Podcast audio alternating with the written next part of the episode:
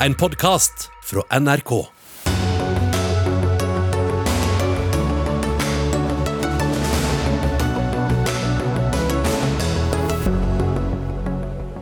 Debatten om formuesskatt er primitiv, mener Norsk Industri, som vil at venstresida skal innrømme at skatten svekker norske bedrifter. WHO ønsker at en tredje vaksinedose går til landene i sør, men Norge har fortsatt ikke bestemt seg. Du må ha med huskelapp for å ha full oversikt over jernbane i Norge, sier Arbeiderpartiet. Nasjonalisering er en dårlig idé og fører til dyrere togbilletter, svarer Høyre. Og innen 2025 skal Norge kun selge nullutslippskjøretøy.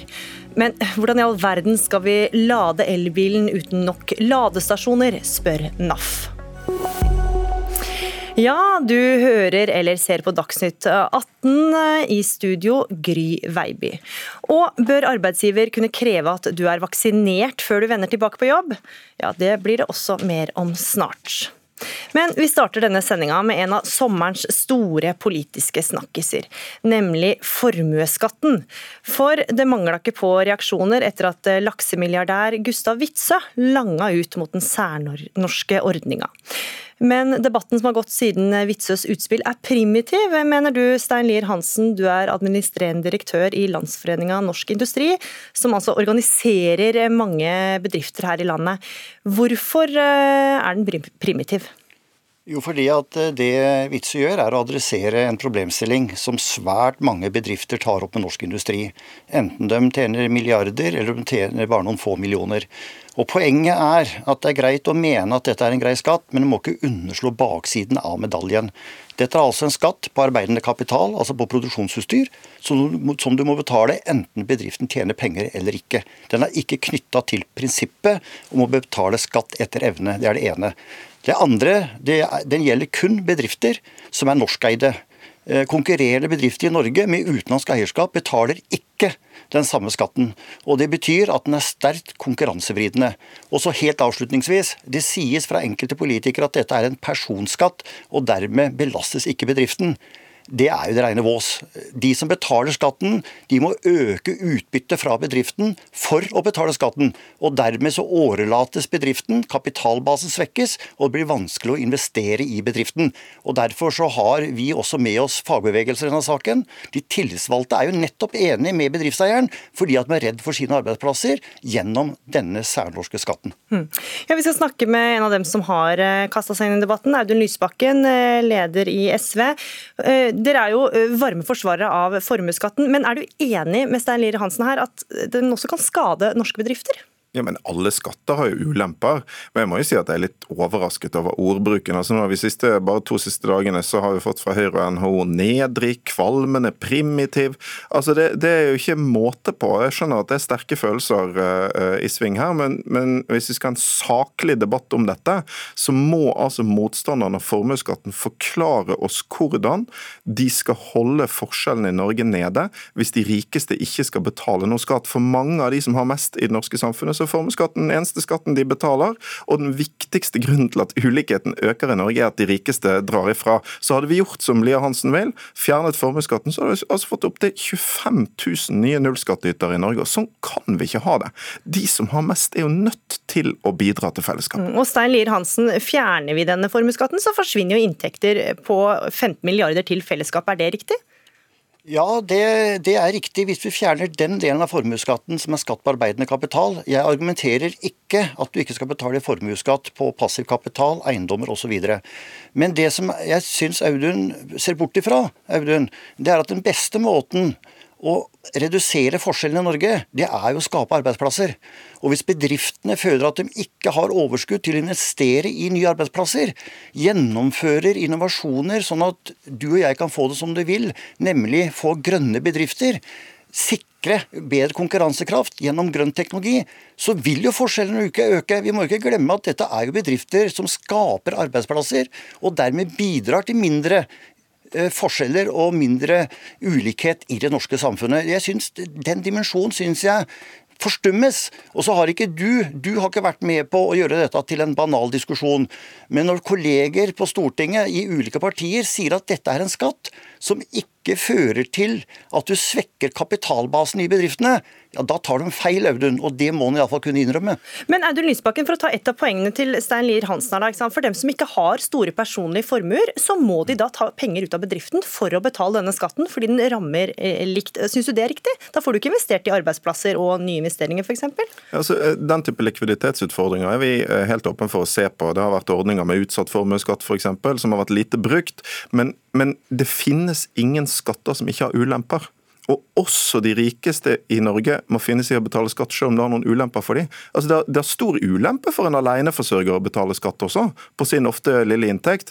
Men vi har likevel ikke køer av aleneforsørgere i hver valgkamp som forteller hvorfor de burde få lov å betale null i skatt. Mm. Men så har vi et annet poeng her som også ble trukket fram, nemlig at den kan være konkurransevridende. F.eks. er du utlending, så slipper du å betale. Ja, men, og, og det, det, er litt viktig. fordi Det er skapt altså et inntrykk av at Norge er et land hvor det er spesielt vanskelig å være rik. Og Det er altså ikke riktig. Eh, det, det kom en, eh, en, undersøkelse som ble gjengitt i VG i dag, der man har sammenlignet hva superrike nordmenn betaler i skatt, og som altså viser at de betaler enda mindre i skatt enn det de superrike amerikanere gjør. Det er skikkelig lukrativt å være rik i Norge, og det er helt andre grupper i vårt samfunn som har noe å, å klage på. Hvis du ser på OECD-landene, der så de vestlige landene og noen til de rikeste landene i verden, så ligger Norge altså akkurat eh, litt under gjennomsnittet når det gjelder samlet beskatning av mm. kapital. Men det er de det som er her med dette poenget med da, hvis du da flytter ut av Norge, så slipper du denne formuesskatten? Ja, men eh, rike eiere i andre land har andre typer kapitalbeskatning. Det er bare ikke riktig eh, at norske rikfolk er spesielt hardt beskattet. Og verdiene, sant? Vitsø, som det har vært mye snakk om, kan ikke flytte fjordene ut av Norge. Sant? Så jeg, jeg, tror, jeg, tror, vi må ha litt edruelighet i den debatten her. Hvis vi skal bekjempe ulikhet eh, i Norge, så må de med mest bidra med mer. Og det er heller ikke sånn at formuesskatten har gjort at vi har fått et dårlig og lite konkurransedyktig næringsliv i Norge. Tvert imot har vi en av de mest produktive økonomiene i verden. Så det er lite dokumentasjon på det Lia Hansen hevder, og det er veldig mye sånne anekdoter høyresiden og NHO bruker i den debatten. Og, og Stein Lier Hansen, altså vi har hatt formuesskatt i mange år. Den har til og med blitt lavere de seneste åra. Det ser jo ut som norsk næringsliv klarer seg ganske bra? Ja da, men problemet er altså For det er det feil, det Audun sier. Altså Poenget er at hvis du har to bedrifter i Norge som konkurrerer på samme marked, så vil den norske eieren måtte betale formuesskatt, mens en svensk eier med bedrift i Norge ikke betaler det. Så sier Audun at andre land klarer å beskatte de rike mer enn Norge. Ja, men så lær av andre land, da. De klarer å beskatte de rike mer enn Norge, men ikke gjennom den type skatt vi nå diskuterer. Og det tredje poenget ditt, vi må være enige om en ting, Audun. Hvorfor kan vi ikke holde på et skattesystem hvor du betaler etter evne? Hvorfor skal du betale en like høy formuesskatt den dagen bedriften din ikke tjener penger, som den dagen bedriften tjener mye penger? Det er jo selskapsskatten som er hele det grunnleggende for bedriftsbeskatning i Norge, og den er basert på dette med å betale etter evne. Og så håper jeg virkelig, Audun, at vi kan bli enige om at det er en fordel med norsk eierskap. Vi må ikke lage en politikk hvor politikken gir fordeler til utenlandsk eierskap. Altså, det, det, det, kan ikke være et ønske, det kan ikke være et ønske blant noen politikere, men det blir effekten. Mm. Men, men, for det første så sliter dere altså med å dokumentere at det er en sånn effekt. Vi har tvert imot også et svært konkurransedyktig næringsliv i Norge. etter mange Men vi hører jo om små og mellomstore bedrifter som sliter med å betale den skatten. Ja, men, men, jeg har lyst til å eh, Jo, men det er også jo altså Regjeringen bestilte jo en forskningsrapport som eh, konkluderte, så har det vært masse diskusjoner rundt den, men den konkluderte jo med det motsatte, at formuesskatten bidrar positivt til sysselsetting i Norge. Sånn at dette har man ikke klart å dokumentere at dette er et stort problem. Og så, så er jeg helt helt, Det er klart det finnes ulemper. For eksempel, det er vanskeligere å betale formuesskatten i dårligere år. Men ta hun aleneforsørgeren jeg snakket med i sted. Det er vanskeligere for hun å betale skatt i et år med store regninger også. Det er ingen som sier at hun skal slippe det. Vi er nødt til å ha et skattesystem hvor de med de breieste skuldrene, de med eh, sterkest evne til å betale, også bidrar. Og, og, det er altså sånn at superrike mennesker i Norge bidrar lite, mm. også sammenlignet med andre rike land. Stein Liransen. Men, men, men rikdommen til f.eks. Eh, familien Witzøe, den ligger i verdien av selskapet. Det selskapet har ansatt 5000 som betaler skatt. De betaler 1,8 milliarder i året bare i vederlag og konsesjonsavgifter, i tillegg til en selskapsskatt på 500 millioner. Da skjønner ikke jeg at ikke vi kan få en diskusjon om er det virkelig nødvendig at de skal ta ut økt bytte, utbytte for å betale de siste 270 millionene, når de bidrar med milliarder til velferdsstaten hvert år. Det hadde de ikke gjort hvis ikke du har folk som investerer og tar risiko, og lavere bedrifter som tjener penger. Men, men altså, nå, nå, snakker vi om Witzøe og flere av de andre som har vært ute i disse debattene om Og som ikke er til stede her i dag. Nemlig. Mm. Men, men, nå var ikke det jeg som tok det opp. så må bare si, sånn, Dette er superrike mennesker med evne til å betale skatt. Og Hovedgrunnen Lia Hansen, til at ulikhetene øker i Norge, er at de rikeste drar ifra. Det har noe å si for fordelingen av makt i samfunnet vårt, for fordeling av rikdom. Og den skatten de ansatte til Vitsø betaler, den betaler de sjøl. Så det er ikke sånn at de rikeste kan slippe å betale skatt fordi arbeidsfolk gjør det. For det er jo folk sitt arbeid, eh, fellesskapet sin innsats, naturressursene våre. Alt det bidrar til å skape verdier. Og eh, det er rettferdig at de rike i Norge betaler skatt. sånn sånn som de gjør det i alle andre europeiske land. Så jeg tror vi skal begynne å høre på noen andre. Det, lenger dette her kommer vi faktisk ikke i dette studio her i dag. Dere får fortsette debatten utenfor studio. Audun Lysbakken, leder i SV, og Stein Lier Hansen, administrerende direktør i Norsk Industri. Eh, takk for at dere var med i denne omgang i Dagsnytt 18. Eh, det er ingen tvil altså at eh, debatten rundt formuesskatten setter sinnet i kok. Men hvor viktig kommer denne saken her til å bli i valgkampen? Tone Sofie Aglen, du er politisk kommentator i VG. og dette dette spørsmålet går da til deg. Hvor viktig vil formuesskatten bli fram til 13.9? Ja, Det er ikke godt å si. For et halvår siden så trodde vi at pandemihåndtering ville dominere denne valgkampen. Nå er det noe ingen snakker om, men i hvert fall til inngangen av valgkampen så har eh, formuesskatten skapt betydelig engasjement. og i hvert fall Noen partier vil nok ønske at det skal være tema, ikke minst Audun Lysbakken, som vi har hørt her. og Jeg tror nok det er litt verre sak for statsminister Erna Solberg. Ja, for dette var jo litt overraskende sak, som du sier, som kom opp i forbindelse med at Erna Solberg eh, på besøk på anlegget til laksemilliardæren eh, Witzøe. Og Det er da SV sier du tjener på dette. Hvem andre er det som tjener på dette utspillet hans? Jeg tror nok at uh, det her er en politisk sak som uh, særlig venstresida tjener på. Jeg opplever at de har et uh, betydelig retorisk overtak. Og det å sette opp en eller annen riking til kontrast mot aleneforsørgere eller andre ting som venstresida vil bruke penger på, det, det, fungerer veldig godt effektivt. Jeg tror det er vanskelig for høyresida å få en mer nyansert debatt om næringslivets rammevilkår. Så tror jeg nok at Høyre ønsker seg nok en bredere debatt om skattepolitikk og om eh, næringsliv, eh, privat sektor. Mange er nok bekymra for det med den rød-grønne regjeringa, men de må nok flytte den debatten bort fra formuesskatt for å tjene noe særlig på den. For de kommer ikke til å få det inn med formuesskattedebatten? Eh, jeg tror i hvert fall at den vil i hvert fall ikke eh, fatte veldig mye sympati for det brede lag av folket. Men så må vi huske på at Høyre har for øyeblikket et veldig stort problem med sine egne velgere, som har veldig lav lojalitet. Eh, mange er usikre på partiet sitt. og Jeg tror nok mange av kjernevelgerne i Høyre er nok mer opptatt av formuesskatt og skattepolitikk enn det brede lag. og Vi må også huske at Erna Solberg tapte faktisk den kampen på sitt eget landsmøte i fjor. Mm, ja, for Høyre har sittet i regjering i åtte år nå. og De har lenge lova å fjerne denne formuesskatten, men nå har de gått tilbake på dette løftet. Hva er grunnen til at det har vært så vanskelig å innfri det? Nei, Det handler nok eh, både om at det er dyrt og upopulært. Eh, eh, for det første så tror jeg Høyre er ganske pragmatisk og ser at Eh, det er slite med å få et flertall for det. hvor Verken KrF eller Venstre er noe særlig enig i det. Det, det vil koste mye penger. Regjeringa har brukt mer enn nok eh, penger og vil jo selvfølgelig slite med inntektssida. Så ser de jo også det at det her er en, eh, ikke en vinnersak og at næringslivet må bidra. Men så må jeg få nyansere det bildet litt. Det skapes jo nå et bilde av Gustav Witze som en sånn superriking med masse biler. På Frøya og langs kysten så ser man jo på han som en arbeidskar i gummistøvler som har skapt store verdier, mange arbeidsplasser, og som eh, kanskje har skapt optimisme i, nærings, eh, i, i, distriktene på en helt annen måte enn noen andre har klart. Så det ser nok litt annerledes ut, ut fra hvor du er i landet og, og, og hva slags arbeidsplass du har. Mm. Men så er det altså utspillet hans da, som noen tolker dit hen at, eh, at, han truer med å flagge ut fra Norge dersom formuesskatten forblir.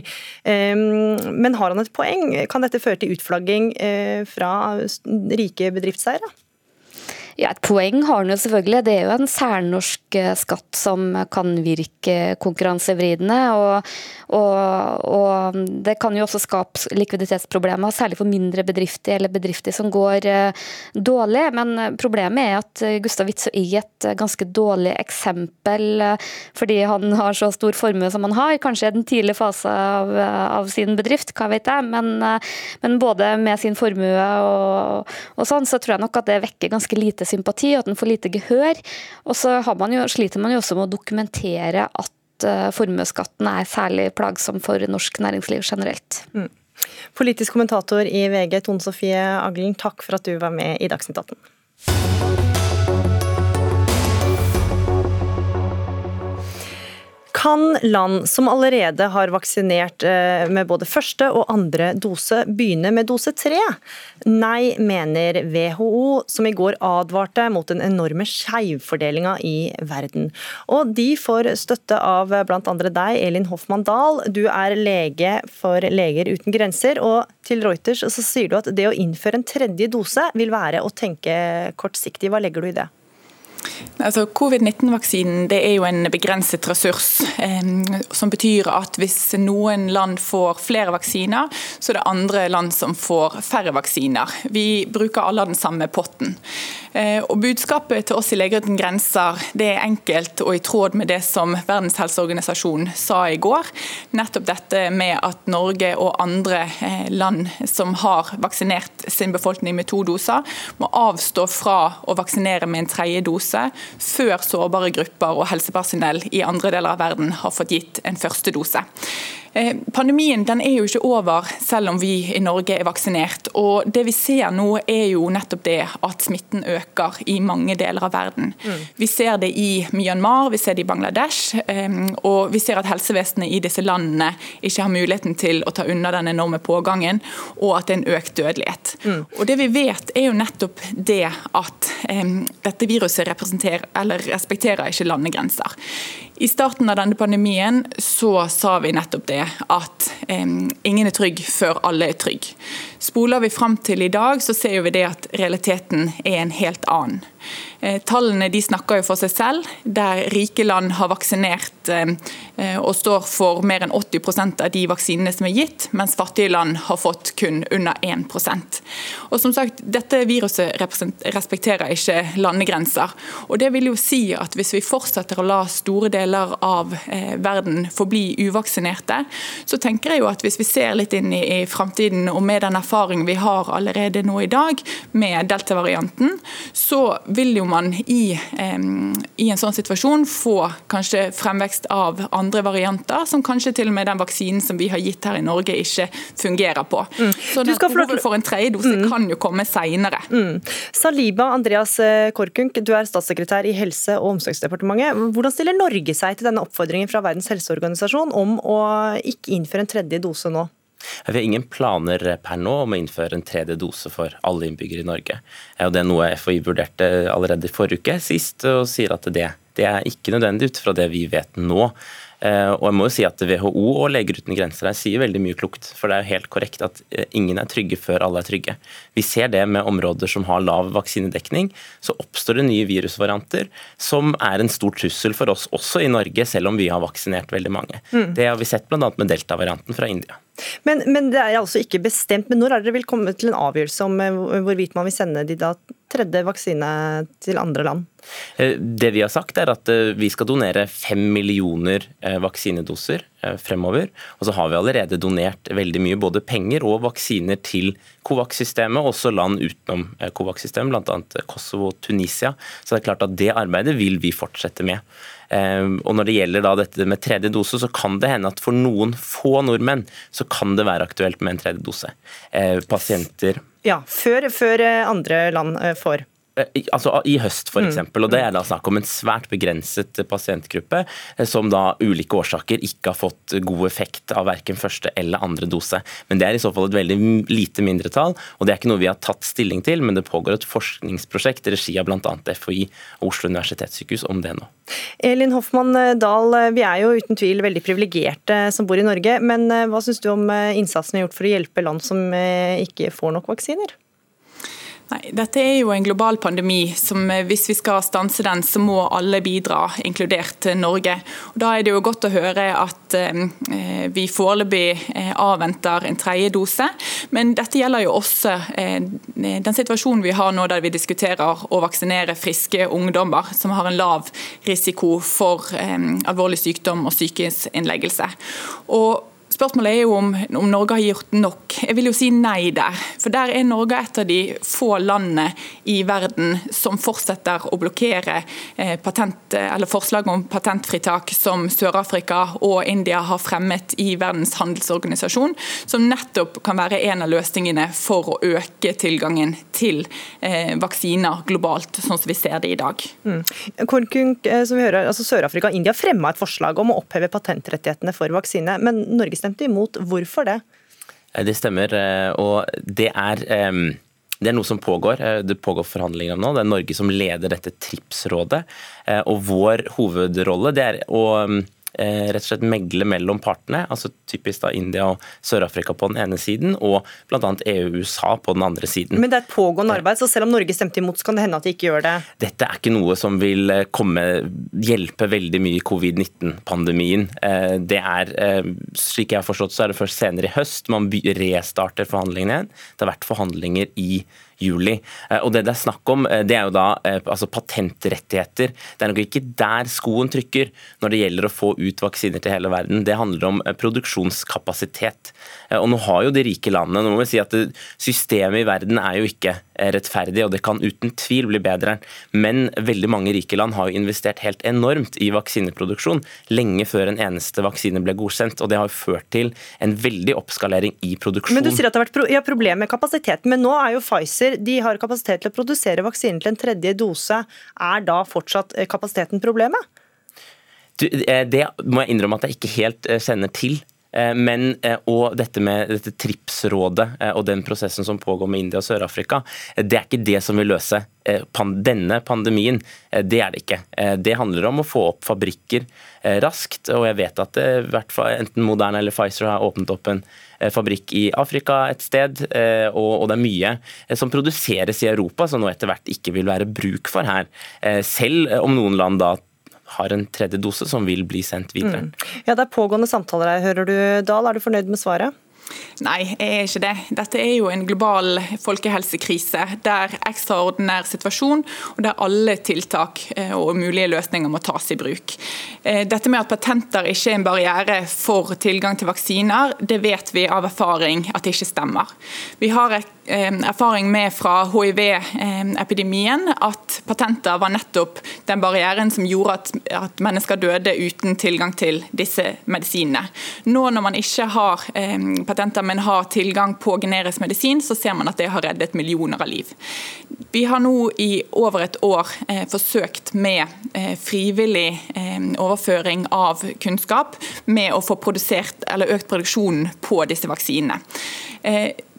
Dagens situasjon viser jo at frivillige tiltak ikke er nok, og at nettopp i en sånn situasjon så må man lette på eh, patentene for å gi andre muligheter til å produsere. Mm. Og dette med produksjonskapasitet, der vet vi jo at det er flere land som eh, signaliserer at de har muligheten til å produsere hvis de får muligheten til det. Mm. Så konklusjonen er egentlig at Norge må gjøre mer? Norge må gjøre mer. Mm.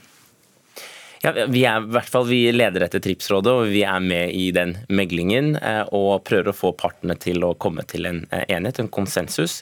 Eh, nå mener jeg at dette sporet er ikke det som kommer til å hjelpe resten av verden ut av pandemien. Det er det ikke, men vi jobber med det og håper å få til en god løsning. Ja, Nå har du i hvert fall fått snakka litt om det her. Elin Hoffmann Dahl, lege for Leger uten grenser, og Saliba Andreas Korkunk, statssekretær i Helse- og omsorgsdepartementet fra Høyre. Takk for at dere var med i Dagsnytt 18.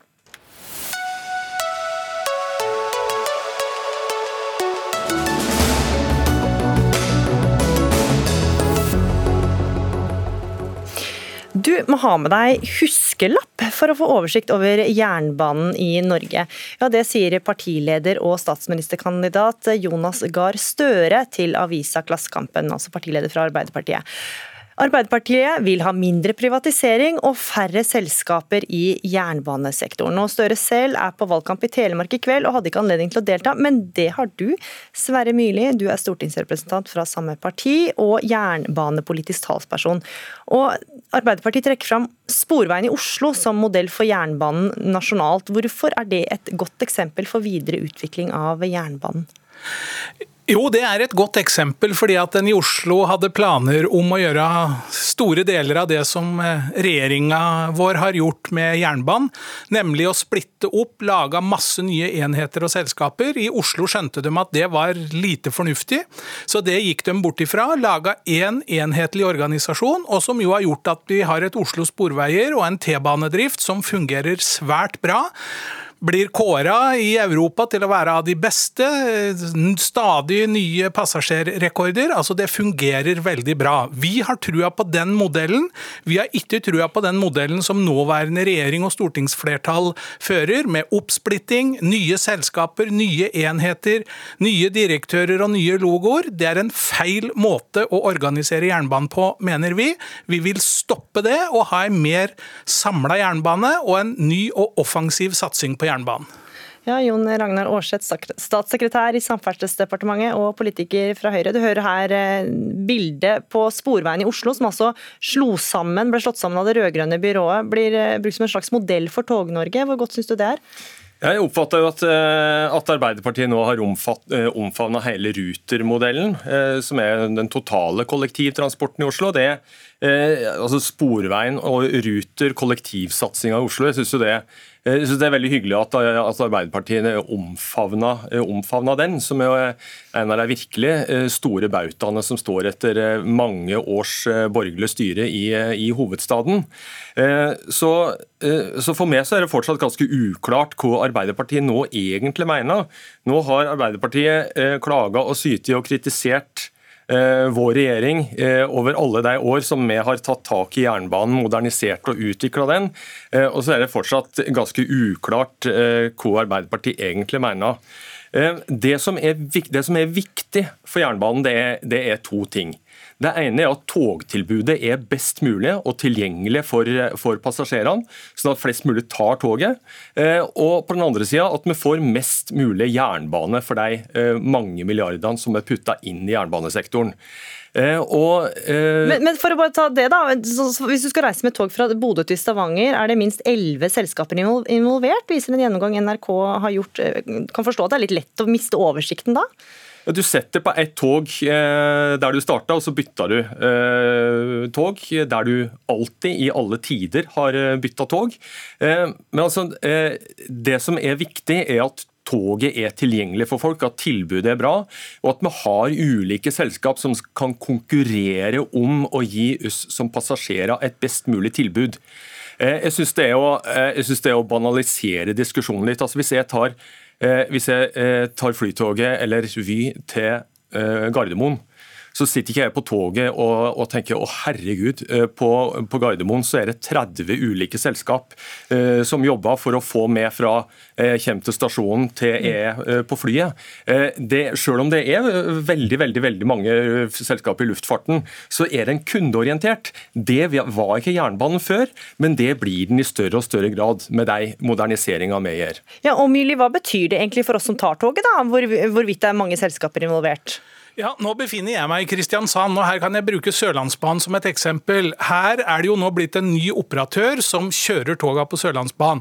Det er de samme toga og de samme ansatte som kjører. For den reisende så gjør de akkurat den samme jobben, men det er blitt et mer uoversiktlig tilbud for de reisende. Hvis du f.eks. nå skal kjøre bø, tog la meg si, fra Bø til Elverum, så er det nå tre ulike selskaper. Det gjør at det f.eks. nesten er umulig å få billett Eh, billigbilletter på de strekningene. Eh, blir det forsinkelser, så har du billett på det ene selskapet og ikke på det andre selskapet. Det er blitt et uoversiktlig og vanskelig tilbud for de reisende. Og vi må huske på at det er de reisende som er de aller viktigste.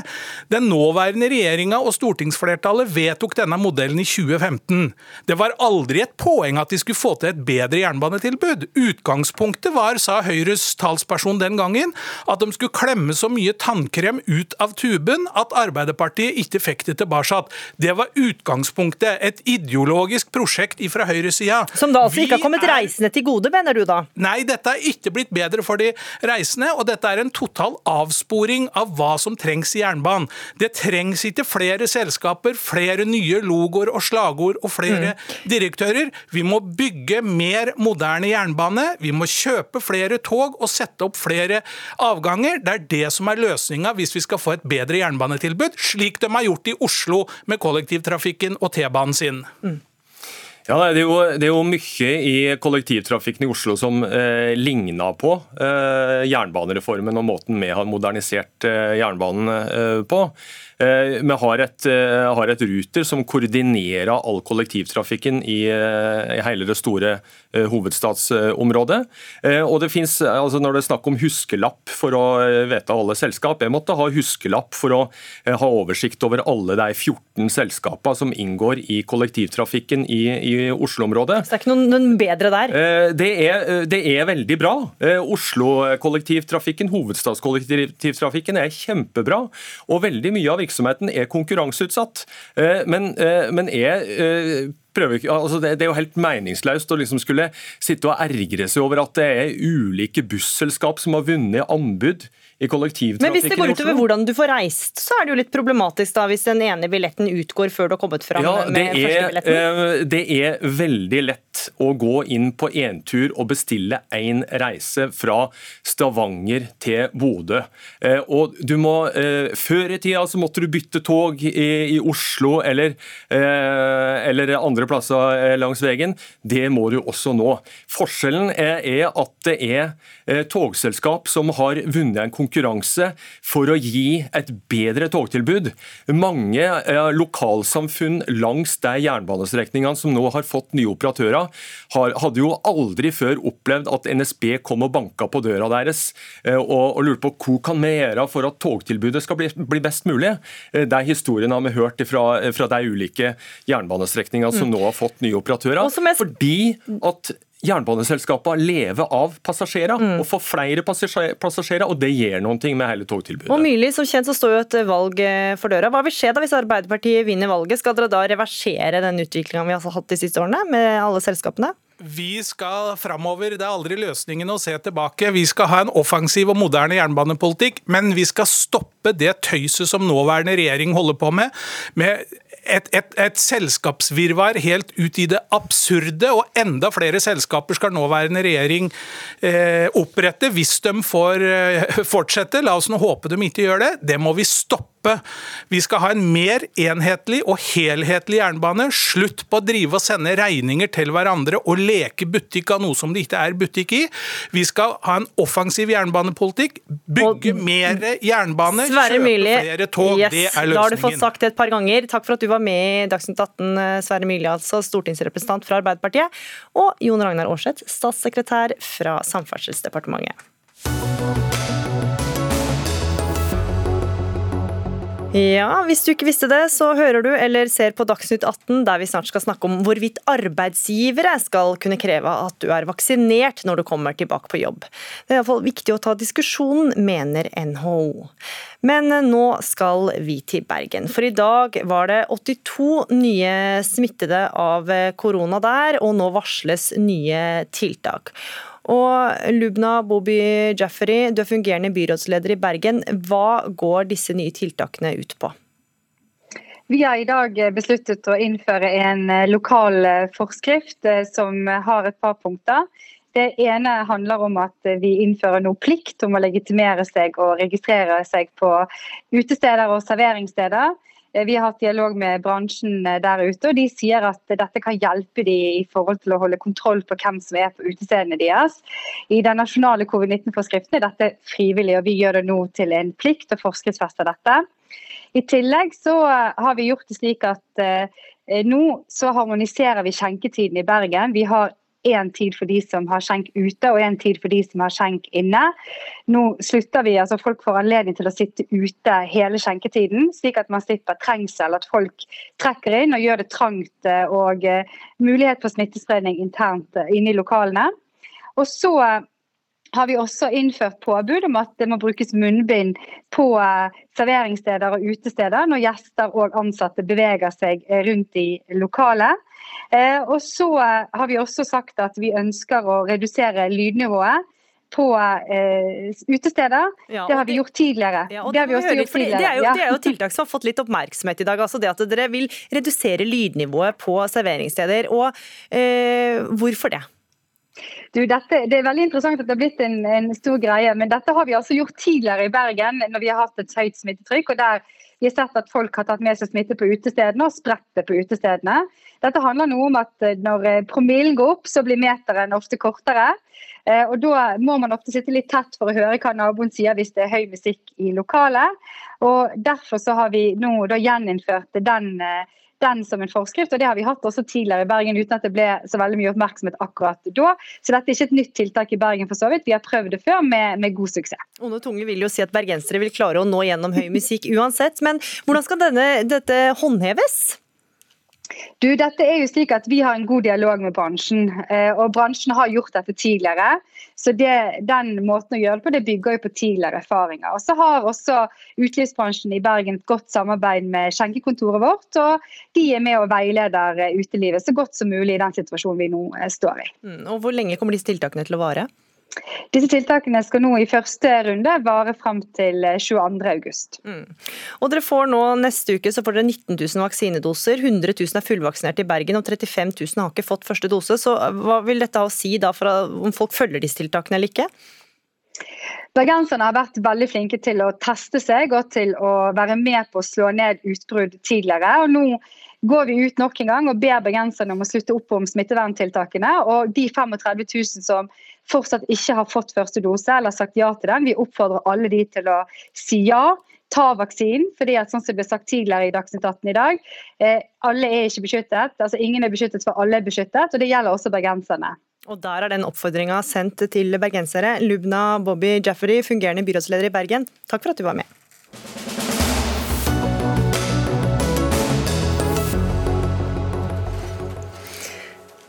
Skal sjefen din kunne kreve at du er vaksinert når du kommer tilbake på jobb?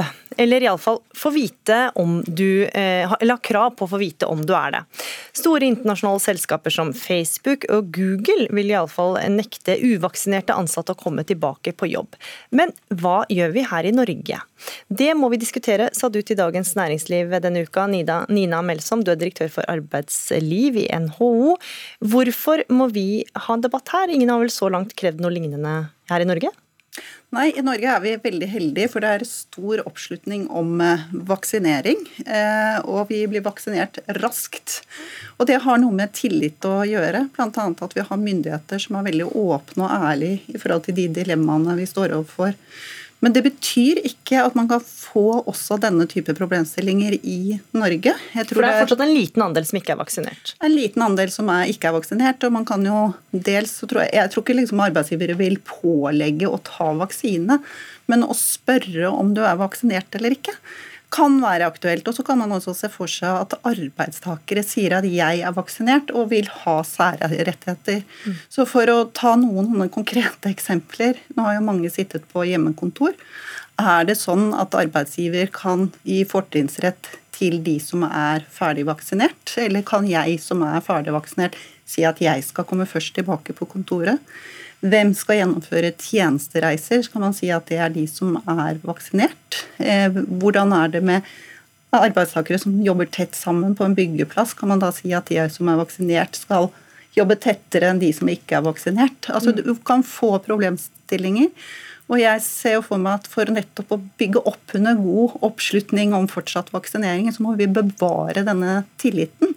Og Da eh, syns vi at det er fornuftig at vi har god dialog både med arbeidstakerorganisasjonene og med myndighetene, sånn at vi bidrar til at det kjennes rett. Og det er én ting, og så er det viktig for meg å si at i bunn ligger jussen. Det er regler i arbeidsmiljøloven og personopplysningsloven, mm. men hva er lurt å gjøre? Mm. Og hva bidrar til å opprettholde oppslutningen og mm. tilliten? Får høre med deg da, Roger Heimli, du er nestleder i LO. Vi bør ha den diskusjonen. Den kommer til å komme opp, sier NHO. Hva sier dere?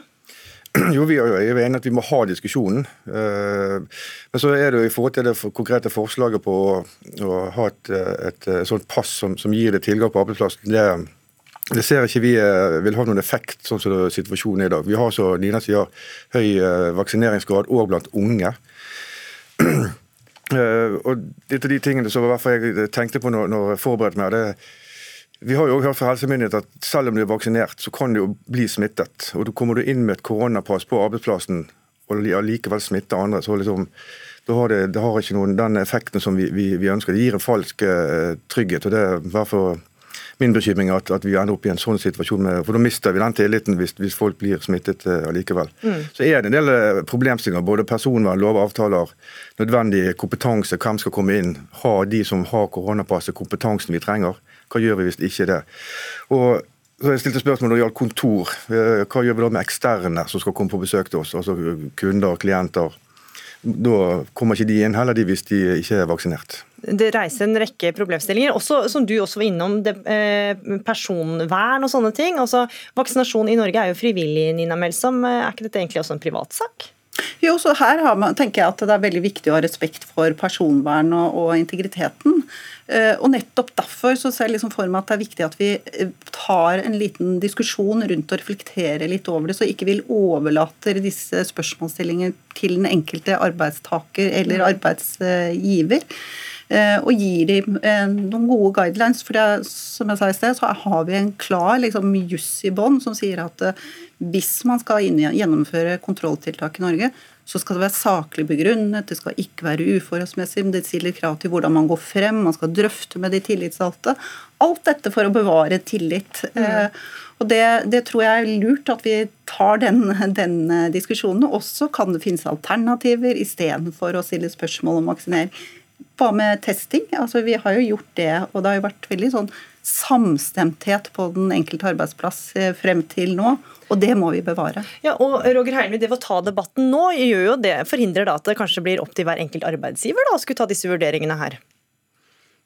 Det, jeg, tror, jeg, tror, vi er mest tjent med å ha eh, gode råd fra, fra helsemyndighetene i forhold til, til, den enkelte arbeidsgiver. Så for, er jo igjen partene, Vi dekker jo deler av arbeidslivet, ikke hele. Sant? for Det er ikke hele arbeidslivet som er organisert. men Da får, kan de heller lytte på oss. Men, men, det bør i hvert fall komme noen, noen gode råd og noen grensedragninger, ikke minst i forhold til jussen og personvernet. Eh, og eh, hva gjør vi med de tvilstilfellene der eh, jeg f.eks. kan dokumentere at av helsemessige grunner kan ikke ta den vaksinen. Hva gjør arbeidsgiver og hva gjør vi som, som, som, som parter? Mm. Men, men, det må diskuteres. men, men kan, det kan ikke være helt ulikt rundt omkring. Vi må ha noen felles forståelse av hva er rammen rundt et sånt uh, krav. Og som Melsom er det jo sånn at Man kan jo fortsatt spre smitte selv om man f.eks. er vaksinert. Med delta-varianten så kan man jo fortsatt bli syk. Så hvor mye vil det egentlig hjelpe? Nei, og Derfor så, så er jeg veldig enig med mm. Roger at det er viktig at vi har med oss helsemyndighetene til å gi oss gode råd. Sånn mm. at vi foretar fornuftige og gode valg på den enkelte arbeidsplass. For hvis man begynner å ta valg som de ansatte ikke er enig i, så blir det jo frustrasjon, og så blir det motkrefter. Og det er jo vi heller ikke tjent med i forhold til vaksineoppslutning. Men jeg har jo også helt lyst til å si at nå er vi tilbake til at vi er veldig heldige i Norge ved at mm. vaksinering går fort. og det er ja, vi vil nok ha en liten gruppe som ikke vil la seg vaksinere, og så har vi en gruppe som eh, Roger Heimli er inne på, som, som, ikke kan bli vaksinert. Eh, og de skal, Deres rettigheter og interesser skal jo også ivaretas på en god måte. Ja, Vi skal høre med deg, da, Preben Aavitsland. Du er overlege ved Folkehelseinstituttet. Du kan gi oss noen gode råd her. Det er som kjent frivillig å vaksinere seg her i Norge, men kan et slikt krav eh, bli en anbefaling også her, tror du? Det tviler jeg på. Eh, vi har jo ikke hatt det med noen andre sykdommer, verken med influensa eller meslinger eller noen av de andre sykdommene vi, vi vaksinerer mot. Vi er opptatt av at eh, vi skal ha plass til de få uvaksinerte i samfunnet vårt og på arbeidsplassene våre. Og et, eh, et slags krav om å være vaksinert, det ser vi jo fra utlandet at det fort fører til uro og støy, motstand, demonstrasjoner og den slags. Det er vi forskåna fra her i landet. Og vi har en, altså Meningsmålingene våre tyder på at eh, oppimot 97% av befolkninga kommer til å vaksinere seg etter hvert. Sånn at det, problemet er ikke stort, og vi må være varsomme så vi ikke provoserer fram unødvendig støy. Mm. Men, denne, men dette samtalen vi har nå, da, om at det kanskje er viktig å få det på bordet og snakke om problemstillingene, er du enig i at det kan være lurt for ja, oppslutninga? Ja, ja. ja, absolutt. Vi skal gjerne delta i den samtalen, og, og både på det juridiske og det faglige og strategiske her. Men jeg tror at eh, vi skal tenke sånn at uh, vi skal tenke på oss sjøl. Den enkelte kan vaksinere seg for å beskytte seg sjøl. Og da behøver man ikke å tenke så mye på hva kollegaene gjør. Er du vaksinert sjøl, så er du veldig godt beskytta mot å bli smitta. Du kan i en sjelden gang bli smitta, men du er iallfall kjempegodt beskytta mot å bli alvorlig syk. Og hvis alle tenker på, på seg sjøl på den måten, så, så, tåler vi at det, det er en kollega på arbeidsplassen som har valgt å ikke vaksinere seg. Mm. Nina Melsom, vi hører jo her at 97% ventes at 97% av nordmenn vil vaksinere seg. Så er det egentlig da så mye å diskutere? Det, jo ikke, altså det er jo ikke så relevant problemstilling her. Nei, og det er, jo tilbake til at vi er veldig heldige i Norge. Og det henger jo nettopp sammen med at vi er et samfunn som bygger på tillit, og det skal vi absolutt bevare. Og så tror jeg kanskje bare det at vi sitter her og snakker om det, gjør at vi ikke kommer i situasjoner hvor man tar litt eh, raske valg. Da. Typisk etter, som jeg nevnte som eksempel i forhold til hjemmekontor. Mm. Eh, hvor man hører nettopp at det er noen eksempler på det, men veldig få eksempler. og det, Hvordan skal vi håndtere det på en god måte? Vi vet jo også at f.eks. med Frankrike stiller jo noen krav til at eh, flypersonell skal være vaksinert for å lande på fransk jord. Det vil jo gi noen dilemmaer også for norsk flypersonell. Så det er vel mer det at det er lurt at vi tenker gjennom det og reflekterer over det i, når vi fortsatt har tid. Mm. Og så dette eksempelet som du nevner, Melsom, at noen som er vaksinert kan f.eks. bli prioritert framfor en som er uvaksinert. Er det noe du også frykter, Roger Heimli, at det kan skje? Det frykter vi at det kan skje, ja. Mm. Det er derfor vi må ha et eh, samspill med, med jussen her, eh, sånn at eh, vi unngår at vi får de sakene. Fordi vi vil få, hvis, hvis det blir brudd på lov og avtale, som nevnt i sted, så så vil det skape unødvendig støy, det òg. Mm. Det er jo heller ikke gitt at eh, det er klart altså, nå Fortsatt så er det jo sånn at det går i en kø. ikke sant, At det er de eldste som er blitt vaksinert først. Eh, hvis, hvis man tenker at man gjør det, så vil jo unge som kanskje har slitt mest på hjemmekontor, være de som kommer sist tilbake på kontoret. Er det personalmessig riktig? Det bør man tenke litt på. Og det har vi jo tenkt litt på her, så kanskje ideene vandrer litt videre og begynner å snakkes litt rundt omkring. Nina Melsom, direktør for arbeidslivet i NHO, Roger Heimli, nestleder i LO, Preben Aavitsland, overlege ved Folkehelseinstituttet. Takk for at dere var med i Dagsnytt 18.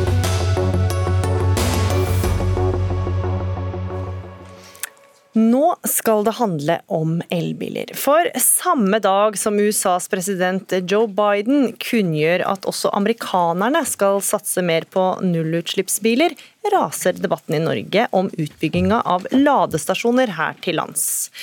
Norges elbilpolitikk er tafatt, halvslapp og respektløs for forbrukerne. Ja, Det sier du til nettstedet motor.no.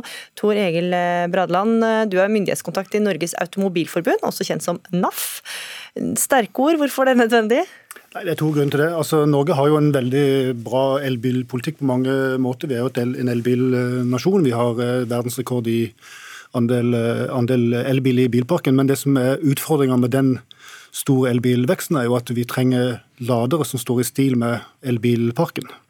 Og Det vi opplever, har opplevd i sommer, og som vi har opplevd før eh, i fjor, i fjor sommer, og for så vidt eh, hele året, er jo at antall ladere er for lavt i forhold til antall elbiler, og brukervennligheten på de laderne som finnes, uh, nesten under enhver kritikk. Det er veldig vanskelig for, for, helt vanlige folk å forstå hvordan du lader en elbil. La oss ta antall ladestasjoner først. Altså I 2019 var det omtrent 14 000 ladestasjoner i Norge.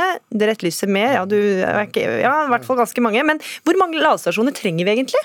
Nei, vi trenger Fram mot 2025 så må vi doble antall uh, hurtigladestasjoner. Det finnes uh, rundt 3000, drøyt 3000 hurtigladestasjoner i, dag, og de må dobles fram mot uh, eh, 2025. fordi vi trenger, biler som kan, eller vi trenger lader som kan lade raskt. For biler trenger å lade raskt, for folk har, har dårlig tid og skal ikke bruke tida si på ladestasjoner.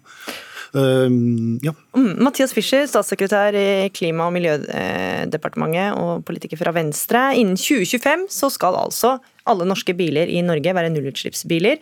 Men hvordan vil du beskrive ladesituasjonen i Norge i dag?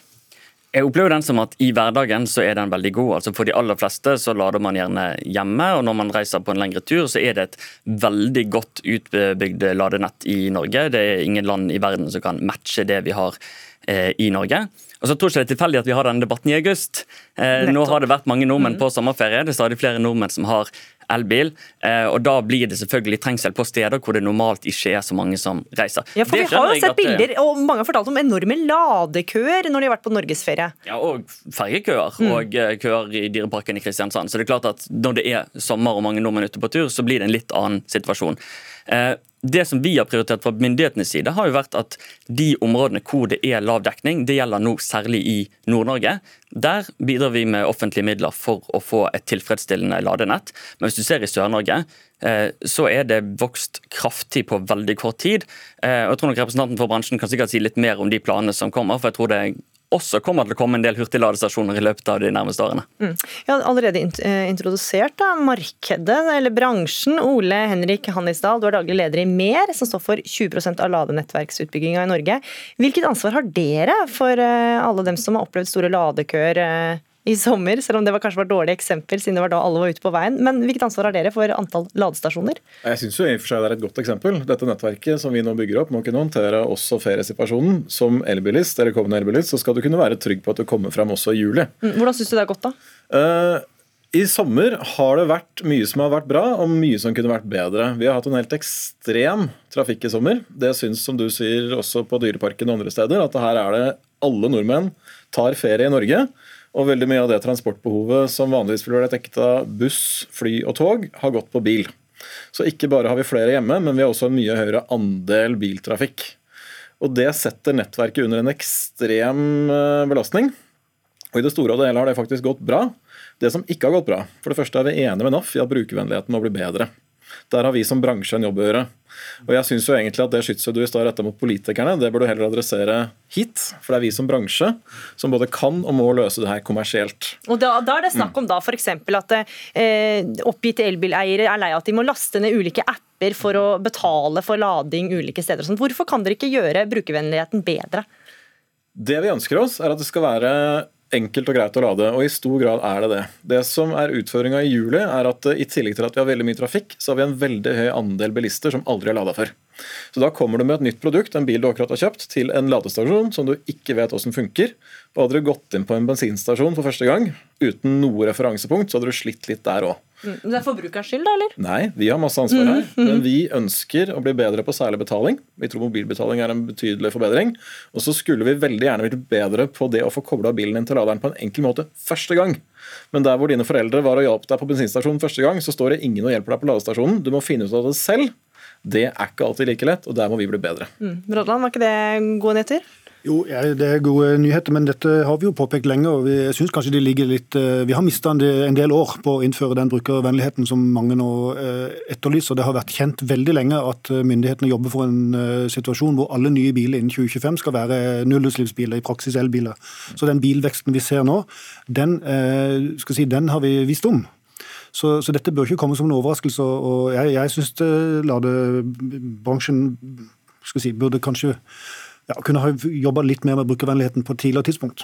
Mm. For det du ser Når du kommer langs veiene, så ser jo disse ladepumpene ser jo ut som prototyper. Mm. Noe som er ute og testes. Men, men eh, de sier tar jo nå selvkritikk for brukervennligheten her. Men hva er det politiske ansvaret her? Nei, det, det, er nettopp fordi at vi har påpekt både at det mangler såpass mye ladere. Våre beregninger viser at vi mangler rundt 500 hurtigladere langs eh, norske veier. og Det er ikke det snakk om distriktene, det er snakk om de store, store hovedfartsårene. En rapport vi nettopp har publisert som viser rundt 500 ladere i underskudd. Eh, så, så det, det, er det, det, er det, ene at Og Stortinget har også sagt at eh, nå må regjeringa ta, ta, grep, fordi det er et politisk mål å få på plass mm elbil, eh, få opp elbilsalget. og Da kan ikke lading være et, eh, et, hinder for å nå det politiske målet, men det er det i ferd med å, å bli. Mm, ja, for det, det, er fire år til altså, at uh, innen 2025, mm. Mathias Fischer? Ja, altså, jeg mener for Det første, det aller viktigste vi gjør for at vi skal få flere elbiler på veiene, og for den saks skyld gjøre det lønnsomt for aktører å bygge ut flere ladestasjoner, er å bevare elbilfordelene, sørge for at det lønner seg å kjøpe en elbil. Derfor er jeg mye mer bekymret for alle partiene, Arbeiderpartiet og Senterpartiet, som vil gjøre det dyrere å kjøpe elbil, enn jeg er for situasjonen på lademarkedet. Sørger vi for at du får den salgsutviklingen som vi ser, så vil det da komme større etterspørsel. Flere kunder til han som sitter på andre siden av bordet. Og så elbileierne må egentlig bare vente litt i da? Nei, altså jeg tenker at hvis de, hvis de, sitter her på en markedsanalyse som sier at det er behov for 500 ladere til, så er det kjempegode nyheter for de som har lyst til å investere og tjene penger på å bygge ut hurtigladestasjoner. Det, det betyr at det er etterspørsel etter et produkt som det finnes mange aktører i det norske markedet som har lyst til å levere. Og de kommer til å få den veksten. Og vi ser det at eh, når det kommer sånn spørsmål om staten skal komme inn og subsidiere og støtte, det store store flertallet av eh, hurtigladestasjonene i Norge, og særlig i Sør-Norge, er bygget ut uten offentlig støtte. Så markedet må regulere seg sjøl, egentlig? da? Ja, men altså, det er jo ikke vits at vi skulle ha spyttet inn noen millioner for noe som ville blitt bygget uansett. Sånn at det at hvis, Når det kommer sånn etterspørsel etter at vi skal slenge penger på bordet for hurtigladestasjoner i Sør-Norge, der det er kommersielt lønnsomt å gjøre det, mm. det er jo å be om å bruke skatt, kaste skattebetalernes penger ut av vinduet. Det er ikke det vi vil prioritere nå. Nei, men det vi ser er jo at, at, den som kjøper en Tesla, har jo ganske god tilgang til lade, en god ladeinfrastruktur. Det er mye bedre dekning for Tesla-eierne enn det er for alle andre biler. Så det er klart, det, Og de har også en kommersiell strategi. De lever av fire kvartalsrapportering. Men hvordan forklarer du det, da? Tesla har bedre dekning? Nei, hvordan forklare Det Det må du spørre Hannesdal om hvorfor de har dårligere dekning enn Tesla. for det, de er jo, Begge to er jo kommersielle aktører, men Tesla har jo valgt en helt annen strategi. De har jo veldig god dekning, de har veldig store lade... Så det fungerer kanskje ikke så bra i dag, da, sånn at markedet skal regulere dette her? Eh, jeg bare registrerer i alle fall at det finnes ulike strategier å bygge ut ladenettverk på. Tesla har valgt en mye mer offensiv eh, modell, og det lider alle andre enn de som har Tesla eh, i dag på, for. Mm. Hannesdal? Jeg vil først starte med å gi deg helt rett i at dette er en kommersiell utfordring som vi løser. Eh, det har blitt bygd ladere fortere enn det har blitt solgt elbiler de siste åra. Det er nå flere ladere per bil enn det var i 2019, og det viser jo nettopp at bransjen fungerer. Her er det lønnsomt å bygge ladere, og det viktigste vilkåret, det viktigste rammevilkåret for det er at vi har en forutsigbar elbilpolitikk, så vi vet hva vi har å til. Og Så ønsker jeg meg også at vi har en litt mer nyansert debatt enn en svartmaling av noe som funker og noe som ikke funker. Fordi vårt syn på ladenettverket vi har i Norge, er at det fungerer svært godt. De problemene vi har, er knytta til brukervennlighet. Det tar vi kritikk på. Og det er knytta til kapasitet på enkelte steder i enkelte perioder. Og Særlig i juli så ser vi at når hele Østlandet flytter seg til Stryn, så kollapser nettverket i Stryn. Og det er også en helt reell situasjon, hvor du får ganske lang kø i Stryn hvis du var så uheldig å ende opp i Stryn med tomt batteri. Men er det godt nok? Det er et godt spørsmål. Er det godt nok at det er halvannen times kø på Bobben i Dyreparken? Det har med to ting å gjøre. Det ene er planlegging, og det andre er hva som er den reelle målstreken. Den sommeren i år tror vi er en dårlig målestokk, fordi den har vært en helt ekstrem utfordring. Men det vil også være sånn neste juli at hvis du kommer til Stryn med steiketomt batteri, ja, så kan du få et problem. Mm. Og Løsninga på det er enten å spise is på den laderen som er litt før Stryn, som er ledig, eller å lade på den campinghytta du leide i Stryn over natta mens du er der. Så vi tror det er et ganske mye mer nyansert puslespill enn å si at staten skal inn og bruke skattebetalernes penger på å sponse en industri som egentlig ikke ber om å bli sponsa. Og ikke trenger hjelp, Platon? Eh, nei, men altså, dette er jo politisk, eh, en politisk utfordring fordi at Stortinget har sagt for det første at det skal være kun nullutslippsbiler som selges i 2025. og Hadde jeg vært Fischer, så hadde jeg vært litt mer stressa for den ladeutbygginga som, som skjer, enn den enn det vi faktisk ser. Og Stortinget har jo nettopp slått fast nå i to omganger denne våren at regjeringa må jobbe mer offensivt med ladeinfrastrukturen. Og Hvordan det skal gjøres, det har ikke jeg. Eh, vi har tall for hvor det, hvordan det bør bygges, men hvordan de ordningene skal være, det, det må, jo, må jo bransjen og vi og dere jobbe sammen om. Ja, vi har jo en offensiv strategi for utbygging av ladestasjoner. fordi Vi har god oversikt over hvor er det markedet ikke er tilfredsstillende nok, at det ikke er kommersielt behov. Og Da brukes det store summer nå i Nord-Norge på å tette de hullene. sånn at, at ikke liksom, vi har en plan, det er helt feil. Men det er spørsmålet hva er det man skal prioritere, hvor det er verdt å bruke pengene. Og jeg er igjen mye mer bekymret for om man skal begynne å gjøre elbilene dyrere å kjøpe enn den utfordringen som vi ser i uh, ladenettet. Mm. Det er til veis ende, eller det vi kom med elbil satsing eh, her i Dagsnytt 18 i dag. Tor Egil Bradland, myndighetskontakt i NAF. Mathias Fischer, statssekretær i Klima- og miljødepartementet. Og Ole Henrik Hannisdal, som er daglig leder i MER. Takk for at dere var med i Dagsnytt 18, eh, som er ved veis ende. Ansvarlig for sendinga var Sara Victoria Rygg. Det tekniske ansvaret hadde Marianne Myrhol, og her i studio var Gry Veiby, som takker for følget.